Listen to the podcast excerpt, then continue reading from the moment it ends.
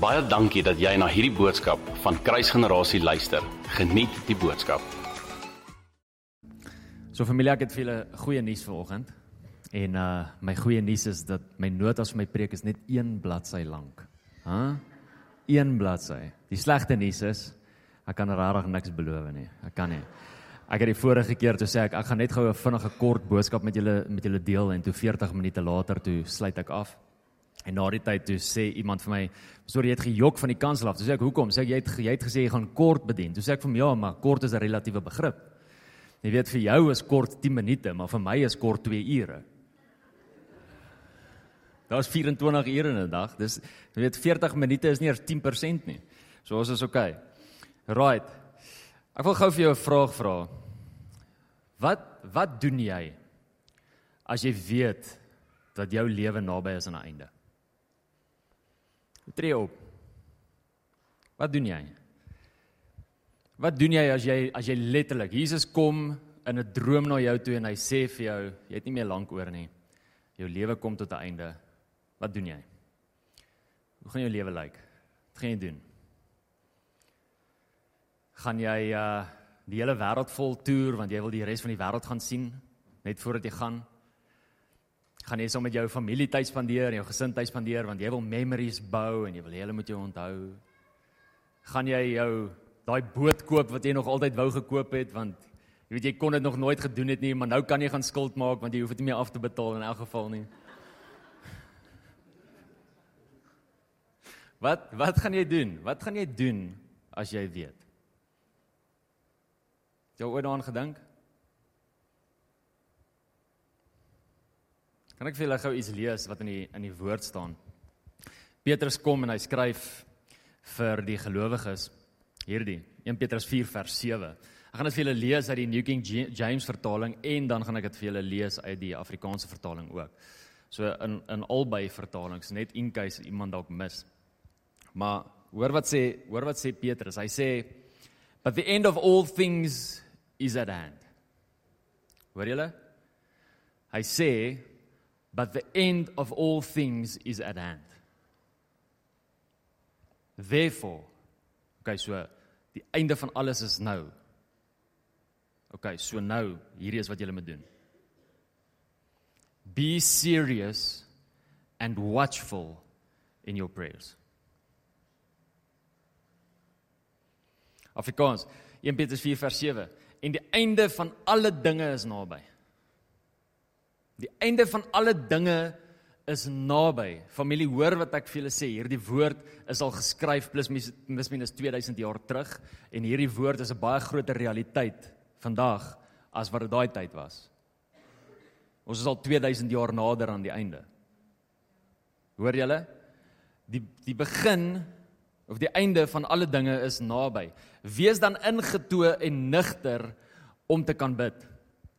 Dit is my so amazing dat Petrus hier kom en dat hy sê, luister hierso, kerk, familie, gelowiges, die einde van alle dinge is naby. En dat hy nie dan sê, so, maak seker dat jy tyd spandeer saam met julle families. Jy weet, Die die einde van alle dinge is naby. So maak seker jy kom by die viswaters uit en jy gaan vang daai groot karp wat jy nog altyd wou gevang het. Die einde van alle dinge is naby. So gaan koop vir jou daai kar wat jy altyd wou gehad het. Gaan koop vir jou daai huis, daai mansion wat jy van gedroom het, want die einde van alle dinge is naby. Hey familie, gelowiges, die einde van alle dinge is naby. So sit jou jou sit jou begeertes voor. Jaag dit wat in jou hart is na. Doen dit wat jy nog altyd wou gedoen het en doen dit tot die vul want die einde van alle dinge is naby. Ja. Nee, die woord van die Here kom en hy sê vir ons die einde van alle dinge is naby. Bid. Bid. Familie as as hierdie iets doen in jou hart nie, nê, nee, dan weet ek nie. Hy sê dat dat die einde kom. En hy kon vir ons soveel goeders gesê het wat ons moet doen. En hoe ons nou moet optree. Maar die eenvoudige boodskap wat hy vir ons sê is bid. Ek het al vir julle gesê dat die eindtyd kerk is 'n biddende kerk.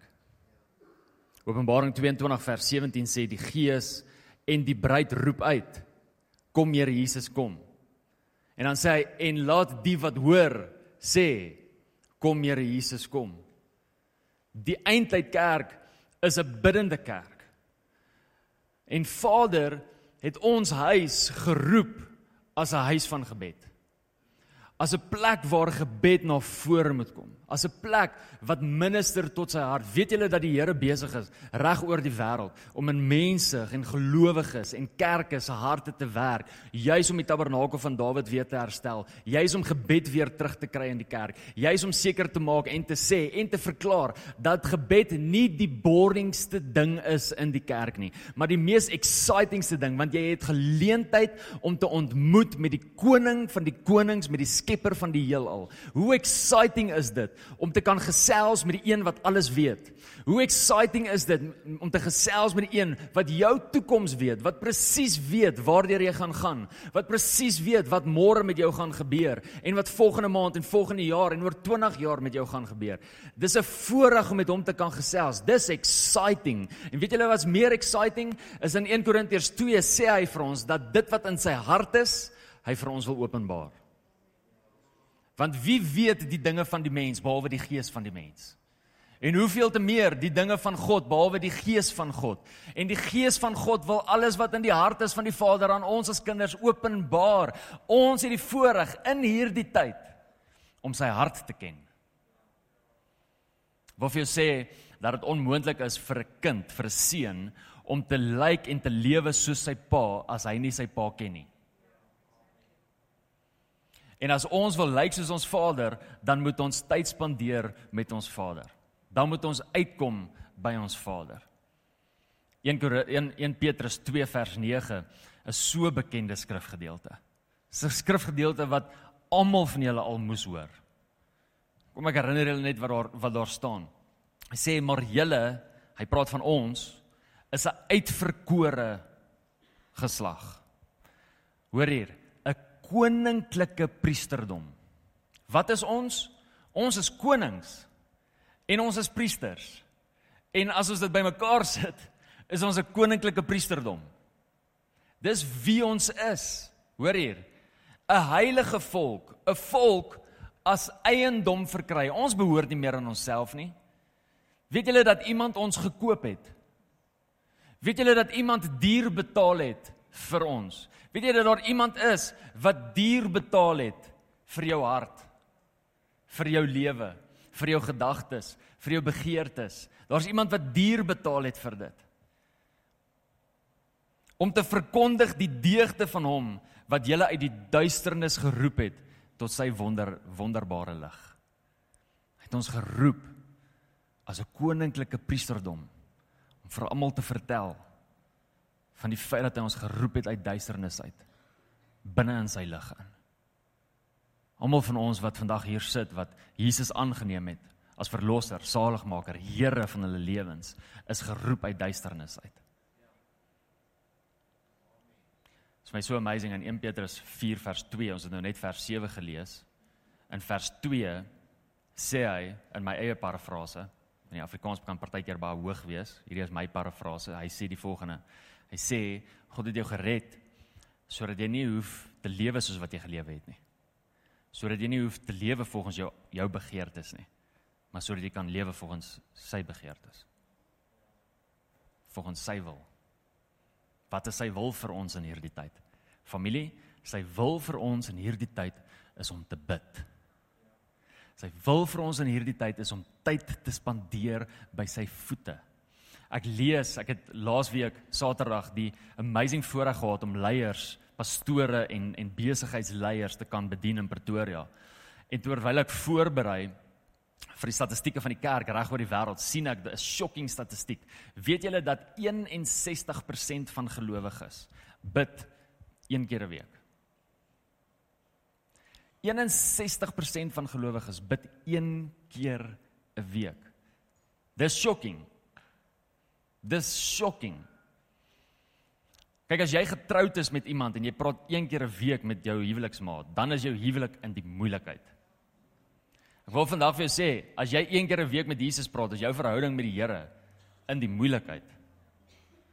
Maar weet julle was meer shocking? As daar 61% is wat een keer 'n week ten minste met die Here praat, dan is daar 39% wat glad nie met die Here praat nie. Dit beteken dat daar uit vandag wat hier sit, dat daar 30, 40 mense is wat nie met die Here gepraat het hierdie week nie. Wat net wat net te besig was, maar die Here verstaan dat ek besig was. Ek meen hy ken my mos en hy en hy en hy ken my hart. Weet, rarig. Kyk, jy wil daai kaart speel. Right. Jesus het gesê ek het hierdie twee weke terug ook gesê. Jesus het gesê dat die gees is gewillig, maar die vlees is swak. Weet jy dat jou gees altyd wil bid? Weet jy dat jou gees altyd by die Here wil uitkom? Dat jou gees altyd 'n honger te het om in sy teenwoordigheid te kom. En in die koninkryk van God werk dit anders as in die fisiese wêreld. Weet jy dat in die fisiese wêreld as jy eet word jy versadig dan wil jy nie meer eet nie. Né? Nee? Maar in die geestelike as jy eet, hoe, hong, hoe meer jy eet, hoe hongerder word jy. Hoe meer jy in sy teenwoordigheid is, hoe meer wil jy daar wees. Hoe meer jy in sy woord kom, hoe meer wil jy daar wees. Hoe meer jy met hom praat, hoe meer wil jy daar so tyd spandeer. Dis hoe dit werk. Hoe minder, hoe minder. Hoe meer, hoe meer. Hoe minder jy met hom tyd spandeer, hoe minder wil jy met hom tyd spandeer. Hoe minder jy in die kerk kom, hoe minder wil jy in die kerk kom. Hoe minder jy by 'n gebedssessie uitkom, hoe minder wil jy by die gebedssessie uitkom. Hoe minder, hoe minder. Hoe meer hoe meer. Klink soos 'n kreet. Openbaring 5, ag ekskuus 1. Openbaring 1 vers 5 tot 6 sê to him who loved us and washed us from our sins in his own blood. Dit is dit nie net gevier en herdenk nie. Dit is nou net skoon gewas, nê? En hoor jy dan sê hy and has made us kings and priests to his God and Father. God het ons konings en priesters gemaak. As jy in Christus is, is jy 'n koning en as jy 'n priester. Die hartseer ding vandag is, is dat baie gelowiges nie heers soos konings in die posisie wat hulle is nie, want hulle verstaan nie dat hulle konings is nie en dat baie gelowiges ook nie in die rol staan van 'n priester nie. Ek wil nie vandag fokus op die koning gedeelte nie, ek wil fokus op die priester gedeelte. Wat doen 'n priester? Dit het 'n priester gedoen in die Ou Testament. Kom aan family, hierdie het ek al vir julle ge, geleer. 'n priester in die Ou Testament het namens die volk in die allerheiligste ingegaan en namens die volk gaan offer. 'n Priester het te doen gehad met die bloed van die lam. En 'n priester het daardie bloed gepleit oor die mense. Dis wat 'n priester gedoen het. Met ander woorde, as die Here sê dat ons priesters is, wat sê hy? Wat sê hy van ons? Hy sê die volgende. Hy sê julle ons is intercessors. Want ons gaan namens ander mense in sy teenwoordigheid in en pleit by hom namens die ander mense. So wat is ons? Ons is priesters wat beteken ons is intercessors. Ons tree in vir ander mense. Vandag vir jou sê dat daar's so groot leen van wat intercessor intersessie is in die in die in in die liggaam van Christus. Weet jy dat die woord van die die woord nêrens nêrens intercessor gebruik as 'n titel nie. Nêrens nie. So daad. Dis nêrens 'n titel nie. Daar's nooit intercessor Paulus het die volgende gesê. Intercessor Petrus het het die volgende gesê. Nee. Nooit. Dis die humbleste posisie wat jy kan aanneem is om namens iemand anders in Jesus se teenwoordigheid in te gaan en vir hulle te bid en vir hulle in te tree. Dis nederige plek. Dis 'n humble plek. En God roep almal van ons. Luister mooi, kind van die Here, jy is nie uitgesluit op hierdie nie. Of jy jouself sien as 'n bidder of nie sien as 'n bidder nie. Ek wil vandag vir jou sê, daai waarheid van ja, ek is 'n bidder of ek is nie 'n bidder nie, is ook nog 'n leuen wat in die kerk ingebring is. Almal van ons is bidders. Niemand is geroep as 'n bidder nie. Ons almal is bidders. Jy dra nie 'n spesiale gawe om te kan bid nie. Dis nonsens. Jy het dalk 'n groter openbaring wat maak dat jy in sy teenwoordigheid meer ingaan as ander mense, maar dit beteken nie dat jy geroep is as 'n bidder nie. Ons almal is geroep as bidders. Ons is almal priesters. Priesters het te doen met die bloed en die bloed van die lam is wat ons skoon was van sondes. So ons pleit by die Here vir ander mense se sondes. Maar priesters het ook te doen met die gebroke lam wat beteken dat die liggaam van Christus wat gebroke is vir ons Sy deur sy wonde is ons genees. So wat doen priesters? Priesters bid vir siekes. Markus 16, gaan lees dit. Dis wat priesters doen. Nie een van ons is vrygeskeld tot gebed nie. En nie een van ons is vrygeskeld om nie te bid vir ander mense wat siek is nie. Dis 'n deel van ons roeping. Dit is deel van wie ons is as 'n priester. Almal van ons is bidders. Almal van ons is intercessors. Almal van ons is mense wat in sy teenwoordigheid moet in. Almal van ons is mense wat moet intree vir ander mense, namens ander mense. Almal van ons. Nie een van ons is uitgesluit nie. Niemand nie. Nie die oudste nie, nie die jongste nie, nie die mees volwasse Christen nie, nie die een wat nou net tot die Here toe gekom het nie. Almal van ons is priesters. Dis 'n posisie. So is nie uitgesluit nie. En hoor wat sê hy? Die einde van alles is hier. Die einde van alles is hier. Bid. Bid. Kan ek as 'n herder vandag en ek tree nie baie op as 'n herder nie want ek het nie 'n regte herderhart nie. Van vergewe my daarvoor. Kan ek as 'n herder vandag vir jou vra? Familie, hoe lyk jou gebedslewe? Hoe lyk jou tyd met Jesus? Kom jy by hom uit? praat jy met hom? Want hy het 'n duur prys betaal vir almal van ons dat ons in 'n verhouding kan staan met hom. 'n Duur prys. En van ons gee nie ag op daardie duur prys nie want ons wil niks met hom te doen hê nie.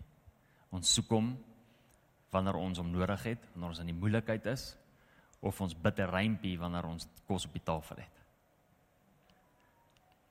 Die hartseer ding vir meeste gelowiges nie in ons kerk nie, maar vir meeste gelowiges is dat baie mense vir die eerste keer met Jesus praat as daar kos kos is op die tafel.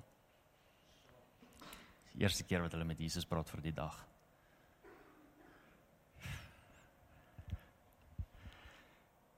So ons almal is geroep vir gebed. Niemand van ons is vrygeskel nie. Niemand nie. Nie ek nie, nie jy nie. Almal van ons. Veel het al bassers gespeel op skool. Dis 'n klomp van julle. Ja, wie wil my uitdaag, my net daar gooi. Ja. Ek is bang. Hier's 'n paar paar tannies wat gesê het, tannie Sanet het vir my gesê ek moet haar nie uitdaag nie, sy sal my sy sal my goodies vat. Sy gaan dit nie doen nie. Familie nie net soos wat elke een van ons geroep is tot gebed. Is elke een van ons geroep tot korporatiewe gebed ook. Weet julle dat ons geroep is om saam te bid? Weet jy dat weet jy dat dit die mees normaalste ding moet wees vir elke een van ons as gelowiges om te bid vir iemand anders? Die feit dat ons skaam is om vir iemand anders te bid, beteken dat jy nie in jou identiteit leef nie. Dit beteken dat jy dit te min doen. Nie een van ons is veronderstel om skaam te wees om vir iemand anders te bid nie. Dis deel van wie ons is. Dis wat ons dra. Dis wie ons is. Dis wat ons moet doen.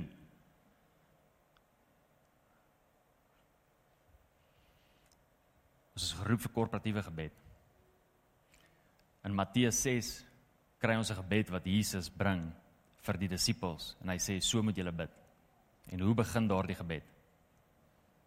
Wie is iemand wat dit sê? Ons Vader. Matteus 6 Lukas 11, né? Ons Vader. Het hy gesê my Vader? Het hy gesê ons Vader? As ek sê ons, is dit korporatief of is dit enkel? Korporatief, nê? Nee?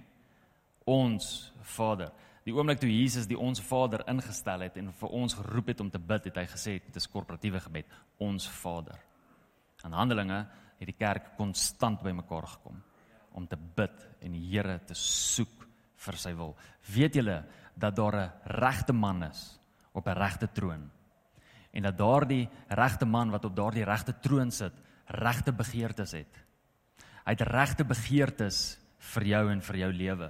En hy het regte begeertes vir hierdie dorp. En een van sy begeertes vir hierdie dorp is dat almal in hierdie dorp hom sal ken. Dis een van sy begeertes. Hoe weet ek dit? Want hy het dit vir ons gesê. En hy het dit nie net een keer vir ons gesê nie. Hy het dit al oor en oor en oor vir ons gesê. Dat dis sy hart dat almal in Middelburg hom moet ken. En die oomblik wanneer ons saamkom korporatief soos wat ons Vrydag gedoen het waar ons 12 ure lank deur gebid het. En deur daai 12 ure lank was ek nie die volle 12 ure hier nie. Ek was 5 ure hier. Weet julle dat in daai 5 ure daar was net 2 van ons lidmate in daai 5 ure wat kom bid het. Ek weet nie van die res nie, was daar toe nog niemand daarna nie. 3. OK. In in 12 ure. Dis amazing. Die mense wat betaal word is die mense wat gaan bid. It's amazing. Dalk moet ons vir julle almal 100 rand gee as julle opdag by 'n gebedssessie. Hoe sal dit werk, hè? Sal julle kom bid? Nee, is dit 100 rand te min? Gaan 'n vol kerk hê. Om dan 500 rand vir diens bywoning. Dis 'n vol kerk. Wat het geword van die passie? Wat wat het geword van om ons lewens neer te lê vir vir vir die een wat sy lewe vir ons neergelê het? Wat wat het geword vir hom honger te wees vir sy begeertes? Familie, weet julle wat se amazing ding van om korporatief saam te bid? Die amazing ding van dit is is die volgende. Behalwe dat Matteus 18 vir ons sê waar twee of meer saamstemmer ding, so sal dit wees.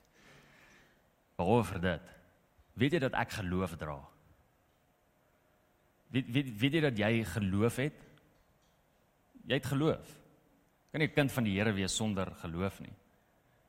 Die woord van die Here sê in in Hebreërs 11 vers 6 dit sonder geloof is dit onmoontlik om hom te behaag. Almal van ons het het geloof. Almal van ons geloof lyk dalk nie dieselfde nie, maar ons almal het geloof. En die oomblik wanneer ons saamkom, sorry, ek wil eers hierdie lees. Hoor gou, hoor gou hierdie skrifgedeelte. Ek wil net vir jou iets iets wys uit Markus 2 vers 5 uit.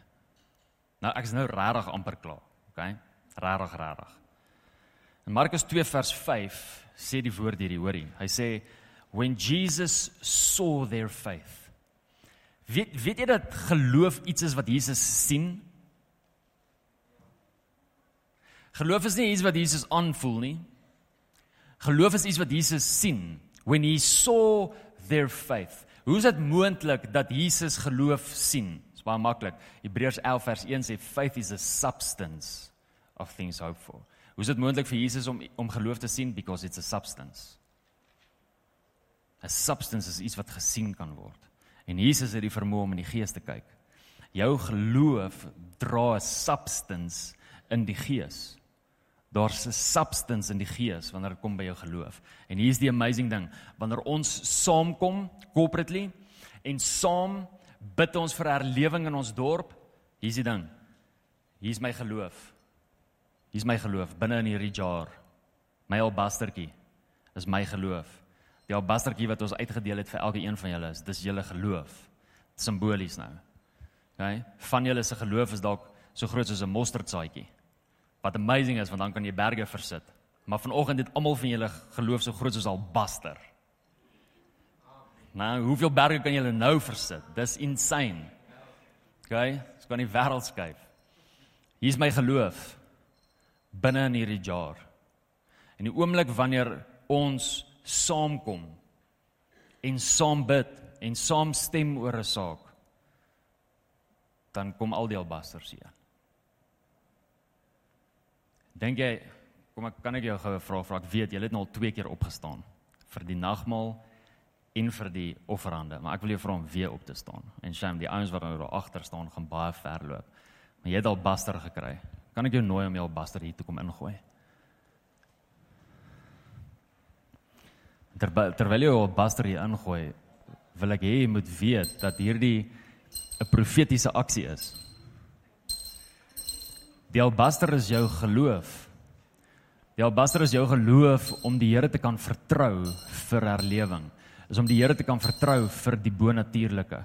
Is om die Here te kan vertrou vir sy beloftes en dit wat hy gespreek het oor ons dorp. Jou albasters is die geloof in die feit dat Jesus terugkom. Jou baster is is is die geloof in die feit dat daar 'n Maranatha uitroep is en dat hierdie 'n werklikheid gaan word binne in die kerk, binne in mense se lewens. Kom Here Jesus, kom. Ons wil meer van U hê. Ons soek U. Dit is jou albaster.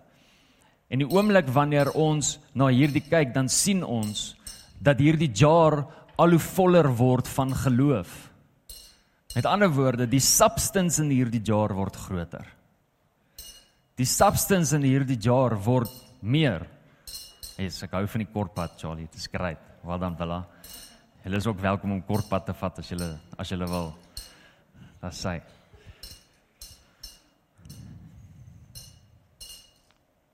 Ek het geloof binne my hart dat God die wêreld kan red. Ek het geloof binne my hart dat God Middelburg kan red, ons dorp kan red. Dis wat ek het. Ek is jammer as jy gedink het jy gaan met Albaster huis toe vandag. Wil vir jou sê ek sal die Albasters daar agter sit as jy hom wil terugvat as jy welkom. Jy kan dit doen. Ja. Wil 'n paar vat. Kyk hoe vol word hierdie jar.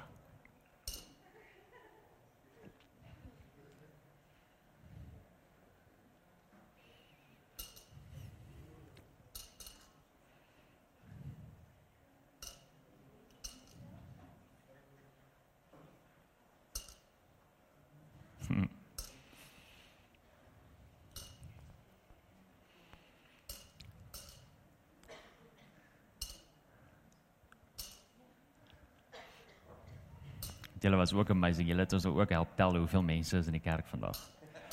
Skan. Skan in Noriel Basser stel dan weet ons hoeveel mense was hier. Familie. Dankie, dankie dat julle vorentoe gekom het. Ek ek waardeer dit. Ek weet dit stretch van julle om om uh voor mense te kom veral vir die nuwe mense dat hierdie snaakse ou wat hier voor staan. As sy Kylie, laaste ons kom ook in die kraal, dis sy. Woohoo! Ek wil sê dat hierdie jar was op 'n stadium leeg. En toe kom ek en ek sit al baster in hierdie jar. En hierdie op baster was my geloof. Die geloof wat ek in die Here het om Middelburg te red. En weet julle dat nou is hier oor 100 al basters hier binne. So hier's ewe skielik 'n baie groter substance 'n baie groter gathering of faith vir een saak. Here red ons dorp. Here red Middelburg. sien jy 'n simpel illustrasie? Maar sien jy die waarde van om corporately saam te bid? As ek by die huis gebid het, was dit net ek en my albastertjie. Maar nou het ons saamgekom en nou het ons al die albasters, al ons geloof saam binne in 'n jar gegooi om saam die Here te vertrou. Charles het nou so 'n mooi ding gesê. Hy het gesê geloof trek die Here nader. Dit trek die Here nader toe. Familie, hier is my pleit by julle. Moenie laat jou gebedslewe slek in hierdie tyd nie. Roep uit by die Here. Ons het ample gebedsessies hier waar ons uitroep na die Here toe en ons nooi hulle elke week uit om te kom bid. Weet julle dat God hierdie ding so ernstig opvat dat hy besig is om in mense se harte te werk om letterlik alles neer te lê om voltyds net dit te kom doen. Daar's daar's jong mense wat hulle drome verswat en hulle drome van om 'n ingenieur te word en 'n droom om 'n dokter te word en 'n droom om 'n prokureur te word en 'n droom om 'n veearts te word of 'n tandarts te word wat hulle droom letterlik een kant toe skuif en op die altaar sit om net te sê Here daar's soveel waarde om in u teenwoordigheid te wees en te minister tot u hart en vir u iets te bring. Ek wil nie dit doen nie wat vir in u hart is is baie belangriker as daai begeertes en hulle skuif dit neer, hulle lê dit eenkant toe en hulle gee hulle lewens vir daai saak. Dit gebeur reg oor die wêreld. Dit gebeur hier in hierdie familie. Dit gebeur hier. Hier's interns wat alles kan toe geskuif het om dit te doen. Volgende week gaan julle mense ontmoet wat van Amerika afkom wat dit gedoen het. Wat net gesê het my begeerte maak nie saak nie. Dit wat ek eendag wil word, dit maak nie saak nie. Jesus se begeerte maak saak. Hulle het eenkant toe geskuif. Julle gaan hulle volgende week ontmoet. Hulle is radical. Family. Bid. Bid. Bid baie van julle is nie in ons kerk so julle ken nie vir pastoor Harold nie. Maar pastoor Harold het met ons heel eerste groter werke konferensie het hy kliphard die heeltyd vir die kerk geskree. Julle moet bid. En van julle kan dit onthou. En dan hou julle op bid en dan het hy weer gesê julle moet bid. Jesus, ek bid dat die Heilige Gees so in jou ore sal skree. Ek bid, ek bid dat jy dit hoor. Jy moet bid. Ek bid dat jy dit hoor letterlik in die oggend as jy wakker word dat jy hoor, jy moet bid. En dan hardloop jy daar na jou gebedskamer toe en in die aand as jy rustig raak, jy moet bid. En dan hardloop jy want jy moet weet, maande aande as ons gebed het en jy's besig met jou eie goeters, jy moet bid. Weet jy, o, oh, ek moet by die kerk uitkom. Ek moet ek moet kom bid. Dis wat ek dis wat ek dis wat ek bid. Dis wat ek bid. Kan ek vir jou bid? Here, ja, gebed is so belangrik vir U. Gebed is so belangrik vir U, Here. U het 'n duur prys betaal sodat ons in verhouding kan staan met U, sodat ons kan praat met U. En U roep ons, elke een van ons, niemand is uitgesluit nie. Almal van ons roep U tot gebed toe. En ek bid in die naam van Jesus dat daar 'n vlam sal wakker word in elke persoon se hart in hierdie plek. 'n Hongerte sal wakker word om in die woordigheid in te stap, Here, om U te soek, om U aangesig te soek, om 'n tyd te spandeer in gebed, om te hoor wat op U hart is, Here. Ek bid dat daar 'n generasie sal opstaan, 'n Jakob generasie wat sal stoei met die Here vir die beloftes wat U gespreek het. Ek bid dat daar mense sal wees, Here, wat sal opstaan en sê, my begeertes maak nie meer saak nie. Maar die begeertes van ons koning, dit is wat ek dra. Dis wat ek najag. Dawid was 'n man na u hart omdat hy alles gedoen het wat in u hart was, Here. En ek bid dat daar daai selfde passie, daai selfde begeerte sal wees in elke een van ons se lewens dat ons agter U sal aanhardloop. Dat ons sal doen wat U sê ons moet doen. Dat ons uitverkoop sal wees vir U wil. Dat ons nie vriendskap sal aangaan met die wêreld nie. But that we would unfriend the world Want vriendskap met die wêreld is vyandskap teenoor die Here. Jakobus 3. En ek bid in die naam van Jesus, Here, dat ons nie eers 'n stukkie impres sal wees met wat die wêreld vir ons kan bied nie. Maar dat ons so ingetoe en nigter, soos wat die woord sê, sal wees teenoor waarvoor U ons geroep het. Ek bid vir elke persoon wat hier is, Here. Ek bid vir persone wat hierna gaan luister op Facebook. Ek bid letterlik, Heilige Gees, dat U daai oortuiging, daai conviction sal bring in harte. Ek bid letterlik dat hulle sal hoor. Jy moet bid.